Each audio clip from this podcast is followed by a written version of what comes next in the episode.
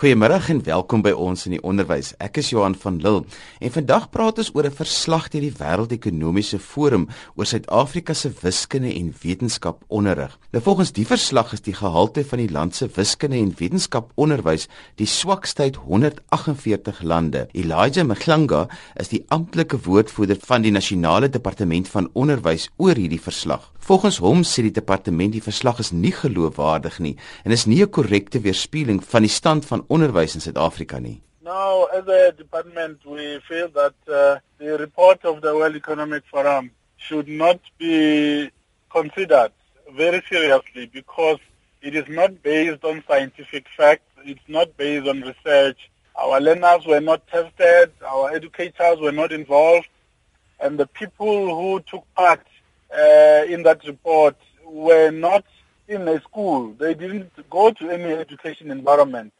But what they did was to gather in a boardroom somewhere and uh, just tick boxes about how they feel about the state of our education.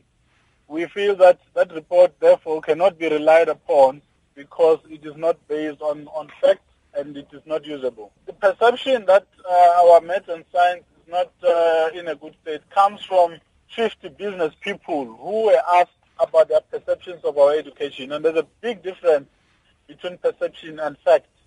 When you look at the research-based data that has been released in the past 10, 5, and even 3 years, you will see that there's a steady increase in terms of the performance of South African learners in math and science and technology when compared to children from other countries. What happens is that other countries, especially those that are ranked higher than us, do not publicize the information on assessment. They do not have reliable data. That's why it is very difficult for these people who are involved in these things to accurately make a good assessment of where those countries stand Uh, in terms of their performance. We in South Africa publish everything, information that comes from the annual national assessment, information that comes from our metric results. We even go to the extent of public, publishing our technical report, which gives you a subject by subject analysis to see exactly what is happening in the system. Even with the annual national assessment, which we have established to help us diagnose uh, the weaknesses in the system. We publish all of those things and it's there for everyone to see where the challenges are. So we get Harvard on the basis of the information that we make available to the public, not because we are the worst in the world, simply because we are the most transparent in the world. Dit was Elijah Mhlanga van die Nasionale Departement van Basiese Onderwys. Ek het besluit dit is tog belangrik dat ons in ons in die onderwys bietjie oor die verslag praat en dan ook oor die stand van wiskunde en wetenskaponderrig in ons skole. Nou Jeugbeson is 'n onderwyskundige en opleier van wiskundeonderwysers. Hy was ook al nou betrokke by die opstel van die wiskunde kurrikulum en is 'n kenner oor wiskundeonderwys in Suid-Afrika. Jeug, welkom by ons. Baie dankie Johan, dis 'n voorreg. Jeug, jy het nou die verslag gelees. Vertel net vir ons 'n bietjie wat jy sê dis 'n lywige ene. Johan, dit is uh ja, dit is 'n baie groot verslag. Jy weet as ons na die nuus luister dan klink dit of hierdie verslag nou net op hierdie aspek uh gehamer het van uh van wiskunde en wetenskap onderrig in die land. Maar dis 'n is 'n verslag van 369 bladsye van die Wêreldekonomiese Forum. Die grootste fokus van hierdie verslag gaan eintlik oor die gereedheid van lande rondom nou ek moet nou ongelukkig van die Engelse begrippe gebruik want ek weet nie mooi wat noem ons dit alles in Afrikaans nie maar van hierdie uh amper sê om rekenaar en en internet gereed te wees. Onder andere sê hulle nogal daar in die verslag uh op 'n plekkie dat Suid-Afrika oor die laaste 2 jaar het ons verdubbel in terme van die hoeveelheid mense wat toegang het tot mobiele fone of selfone wat natuurlik 'n groot impak op op internet en toegang en daai tipe dinge het want dit gaan baie rondom uh, internet toegang van hierdie lande en rondom die regerings en besigheid. Hulle kyk na drie aspekte en dit praat van die regering van 'n land en die besigheid en dan van die individue.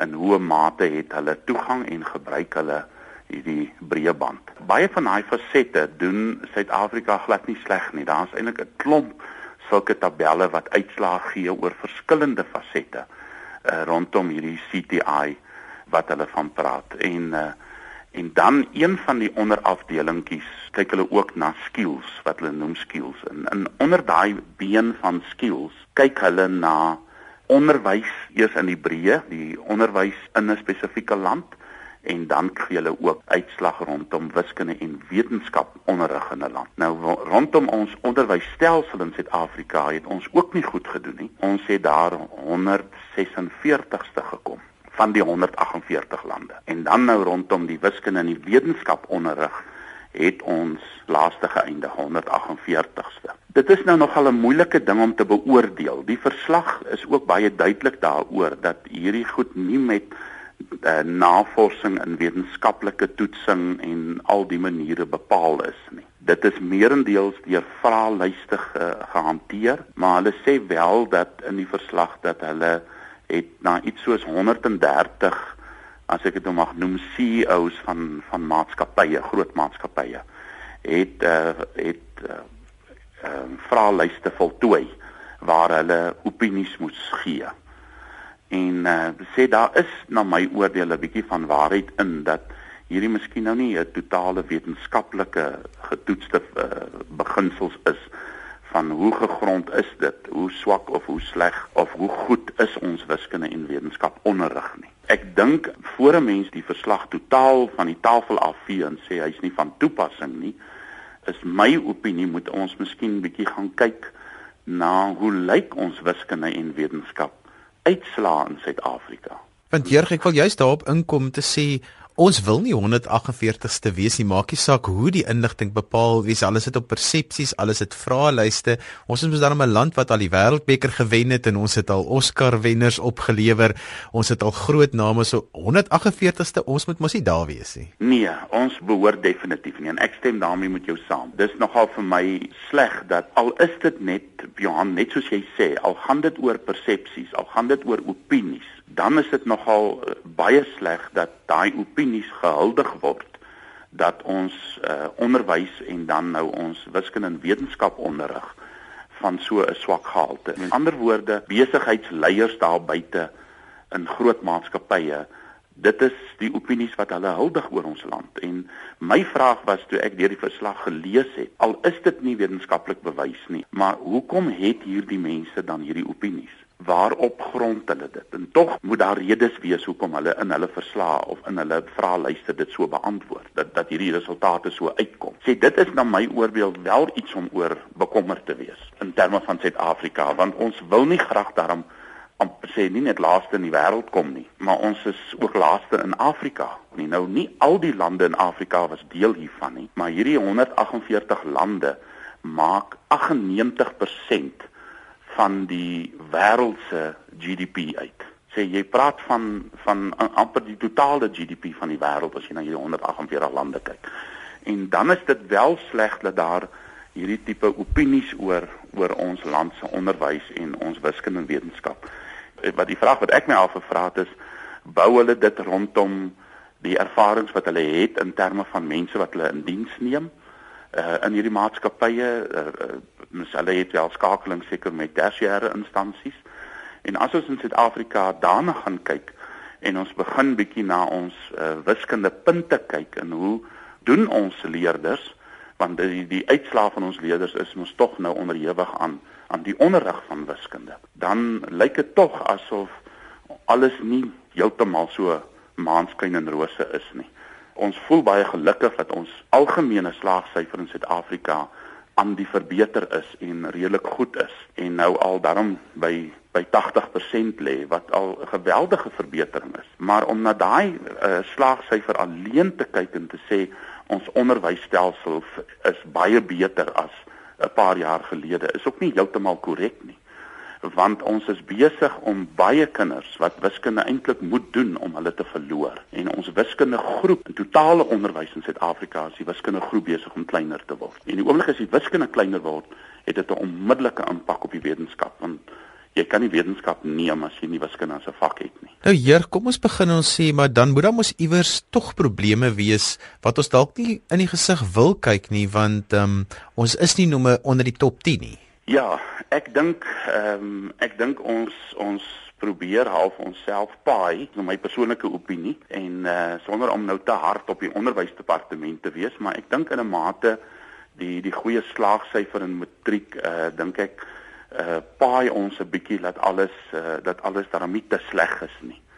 Maar as 'n mens dieper gaan kyk, dan is ons wiskunde en wetenskap, ek sê altyd vir die onderwysers is nie gesond nie. Ons wiskunde is siek want ons sit hier met 'n pasiënt wat ons moet baie tyd aan spandeer. Daar's 'n baie klomp redes oor hoekom sulke goeters dan my oordeel gebeur. Nou om net by een puntjie te begin Johan, ons het oor die laaste, ek wil nou nie in verskriklike statistieke betrokke raak nie, maar net om vir die luisteraars so 'n idee te gee. Ons het oor die laaste paar jaar, so vanaf 2009 tot by 2013, het ons redelike sterk toename gehad in die aantal graad 12s wat die graad 12 nasionale daai November eksamen skryf. Dit is iets om nogal op trots te wees. En ons het gegroei van onder 600 000 in, in 2009 na 2013 was was dit net so rapsie oor die 700 000. Uh sê daar was 'n geweldige toename. Nou dis dit was een van ons groot probleme in Suid-Afrika was ons deurvloei.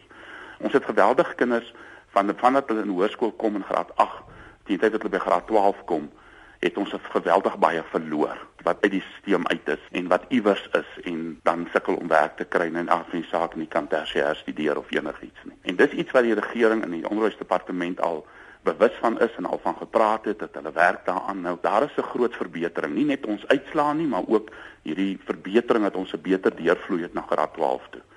Maar dan die bekommernis daarvan al het ons 'n groei in graad 12 getalle wat die nasionale eksamen skryf en dan praat ek nou van voltyds en deeltydse uh, leerders wat skryf. Het ons eintlik nie 'n toename in die aantal wiskunde leerders gehad nie. Daar was uh, vanaf 2009 eintlik 'n afname en toe het hy weer so klein bietjie opgetel. Maar daai optel lyk nou asof daar 'n verbetering is, maar as jy kyk na die groot groei na die getalle op graad 12 het dit nie eintlik vreeslik as jy verstaan wat ek bedoel het dit het dit het dit eintlik nog steeds agter geraak want die die hoeveelheid leerders het meer geraak in totaal. Nou Jurg, ons het nou al gepraat oor die wiskunde uitslaa en, en al daardie tipe syfers, maar vertel bietjie vir ons wat is verkeerd met wiskunde onderwys in Suid-Afrika dat ons 148ste geland het. Johan, ek dink daar is nie net een enkele probleem nie. Maar as ek miskien iets kan uitsonder en dis nou iets wat ek al uh, op baie forums oor gepraat het en baie mense raak al bietjie ongeduldig daaroor as dit genoem word. En dit is dat ons het oor die laaste klompie jaar het ons nou salabusveranderinge gehad. Maar nie net in wiskunde nie ook in wetenskap ook in rekeningkunde en sulke goeters nou die die groot ding van hierdie salabusverandering en baie mense het al ge, my gepraat daaroor en gesê hoekom verander dit so baie? Dit het regtig nie so baie verander nie. Dan klink dit so of ek so bietjie wil opkom daarom ook vir die onderwysdepartement, want dit is daarom net die waarheid. Ons het vir baie jare dieselfde syllabus in wiskunde gehad en hier vanaf 2006 het ons 'n verandering gekry waar ons 'n nuwe syllabus begin infaseer het en ek praat nou spesifiek van die graad 10, 11 en 12 vlak. Aan die begin van graad 10 kies hulle wiskunde as 'n vak. Nou dit was in ons ou stelsel voor 2006 ook so. Leerders kon wiskunde gekies het en leerders kon nie wiskunde gekies het nie. Nou die wat dan wiskunde gekies het as 'n vak, het dan twee keuses gehad afhangend op watter vlak hulle wiskunde is. Dan kon hulle of 'n hoër graad of 'n standaardgraad gevolg het. Nou met ons syllabus wat in 2006 uitgekom het, is daai hoër standaardgraad het 1 geword. En uh, daar's 'n ander vak ingebring eintlik vir die wat nou nie wiskunde wil doen nie uh, of daaraan belangstel nie of dit nie nodig het nie en dit is wiskundige geletterdheid. En baie mense sien dit nou as 'n ou standaardgraad wat natuurlik nou nie die situasie is nie. Hierdie wiskunde been wat ons het is eintlik die ou hoërgraad en standaardgraad in een saamgevat. Daar het van ons probleme begin, Johan. Want jy kan nou self dink as jy 'n hoër en 'n standaardgraad, 'n hoër vlak en 'n laer vlak saam sit waar gaan as hy saam is, waar gaan hy lê? Hy lê so iewers tussen daai twee. Sê wat eintlik gebeur het is en baie mense sê ook dat ons wiskunde se standaard het afgeneem. Maar dis nou as jy kyk van 'n universiteitsperspektief uit, dan is ons uh syllabusse bietjie makliker veral die die voriges nou van 2006 uh ten opsigte van hoër graad. Maar wanneer jy uit 'n standaardgraad oogpunt en na die onderste groep kyk, het ons syllabusse eintlik heelwat moeiliker geword. En dis hoekom ons soveel leerders het wat nou uit wiskunde uitval en dan outomaties uit wetenskap uitval. Nou wat dit gevolg gehad het vir op ons onderwysers uh wat baie mense nie besef nie is is dat ons het onderwysers in Suid-Afrika wat nie noodwendig kwalifikasies het om wiskunde op 'n hoër vlak aan te bied nie. Sê hulle het wiskunde kwalifikasies, maar dit is miskien nie wat 'n mens graag wil hê nie. Maar toe ons op die ou stelsel van hoër en standaardgraad was, kon daardie onderwysers wel die met die standaardgraad syllabusse kon hulle wel redelik hanteer. En dan jou sterker onderwysers het die hoër graad hanteer. Nou sê jy moet my saamstem dat die oomblik wanneer jy dit een maak, moet nou al daai onderwysers moet hierdie stroom kan doen. En dis een van ons probleme waar ons probleme met onderwys of ons onderwysersprobleem ingekom het. Dat vir baie van ons ons onderwysers is hierdie wiskunde syllabus moeiliker as wat hulle gewoond was toe hulle die ou standaardgraad aangebied het. En dit het 'n groot druk op die departement gesit om onderwysers te begin ontwikkel en onderwysers op te lei. En uh, jy kan hierdie onderwysers nou wegvat na tersiêre inrigtinge toe om vir hulle deur 'n 6 maande program of goedes te sit nie wat seker die ideaal sal wees. Maar nou word daar korter en dis projekte wat ek self doen en vir die onderwysdepartemente doen ons 'n 3 dag of 'n 4 dag of 'n 5 dag opleiding en ons kyk of ons nie van hierdie leemtes kan opvul nie. Daardie syllabus het ingekom in 2006 en vanaf 2012, 6 jaar later, het was daar is daai syllabus weer hersien. En dan sê jy nou al gehoor het daar word gepraat van die CAP syllabus. Hy het nou in 2012 ingekom, maar dis nie 'n splinter nuwe syllabus nie. Dit was net 'n hersiene ene want ons het daar was baie probleme by veral by universiteite rondom slaagsyfer in wiskunde by universiteite omdat ons op die uh, 2006 syllabus uh, bietjie afgekom het op ons hoër graadstandaard en nou met die CAP syllabus is die CAP syllabus se standaard is weer verder gelig. En nou sal jy verstaan dat ons probleem onder want ons probeer so bietjie kompenseer nou vir die universiteite om studente beter voor te berei vir tersiêr, maar terselfdertyd verloor ons meer op die onderste gedeelte. Nou Jerte, ons pomp so baie geld in Suid-Afrika in onderwys en dan ook spesifiek in wiskunde en wetenskap onderwys in hoe, hoe lank van nou af gaan ons die resultate begin sien want 'n mens raak so klein bietjie angstig as hierdie verslae so uitkom. Ja, Johan, dit is uh, dit is nie 'n maklike probleem om op te los hierdie nie, want jy weet uh, dit gaan nie net oor om die onderwysers in die huidige stelsel reg te kry en gereed te kry om hierdie silabusse te hanteer en daar het ook nuwe onderwerpe in hierdie silabusse ingekom wat nooit voorheen daar was nie. Wat natuurlik ook 'n probleem skep ewen vir ons selfs vir ons goeie onderwysers en sterk onderwysers is daar ook baie wat nog wat onsekerhede het sê dit dit vat maar 'n paar jaar om deur hierdie goeters te kom. Ons het met die NCS syllabus wat 2006 ingekom het, die mense gesien daar maar jy maak vordering, maar dit dit dit jy doen dit nie maklik binne 5 na 6 jaar nie. En toe die 6 jaar verby is, toe word die syllabus hersien en dit was altyd so beplan geweest dat hy deur 'n hersiening sou gaan. Nou moet ons amper sê weer hierdie ding begin en dit gaan maar weer 'n klompie jaar vat. Maar die ander kant van die saak is ook dat baie van ons ouer garde van onderwysers begin nou al as jy onthou ons land is al 20 jaar in demokrasie in begin baie van ons ouer gardes en ons sterk onderwysers begin uit die stelsel uitgaan wat nou pensioen gaan sê ons moet ook kyk na die jonges wat inkom. En dis dis ons ander bekommernis wat ons het in wiskunde en wetenskap onderrig is dat die hoeveelheid in daarin kan jy met die universiteite ook gesels en hulle gaan vir jou sê dat Hulle kry geweldig min studente in wat eerstens wat onderwys wil doen en die wat nog onderwys wil doen, hoeveel van hulle wil wiskunde en wetenskap as vakke neem vir die onderwys. Ek dink ons verloor meer onderwysers as wat ons weer van onder af in die stelsel inbring. En daar natuurlik speel vergoedinge rol dat uh, Ons leerdlinge wat uh, goed doen in wiskunde, wetenskap en rekeningkunde, die meeste van hulle oorweeg nie loopbane in die onderwys nie. En soos jy self weet, dit is altyd op die nuus is natuurlik oor rondom vergoeding van onderwysers sê hulle gaan kyk eerstens na ander moontlikhede die oomblik as hulle goeie punte het en dis eintlik van daai ou mense wat jy graag in die onderwys wil inkry wat wel sterker in die vak is selfs op skool sterker op die vak is. Maar baie keer sien ons in die, in universiteite dat die dat wanneer studente nie toelating kry tot ingenieurswese of eh, uh, BCom rekeningkunde of daardie tipe rigtings nie dan sal hy die onderwys as 'n alternatief gebruik Nou Jurg, ons tyd is verby, maar ek wil nog 'n laaste vraag vir jou vra en dit is nou die moeilike vraag oor hoekom het die onderwysdepartement besluit om weg te doen met hoër en standaardgraad wiskunde? Kom ek kom ek noem hom nie 'n moeilike vraag nie. Kom ek sê liewer dis 'n bietjie van 'n tamaletjie. Dit is iets wat al oor baie jare deur baie mense bespiegel is. En al antwoorde wat ek daaroor kon kry waar ek met departementele persone gepraat het, gaan dit maar saam met dit wat in ons land gebeur het uh voor 1994. En uh voor 1994 het ons swart studente uh as gevolg van swakker onderrig het die meeste van hulle nie toegang tot hoër graad wiskunde gehad nie. By hulle skole was net standaardgraad aangebied deur hulle onderwysers, want dis wat die onderwysers kon doen.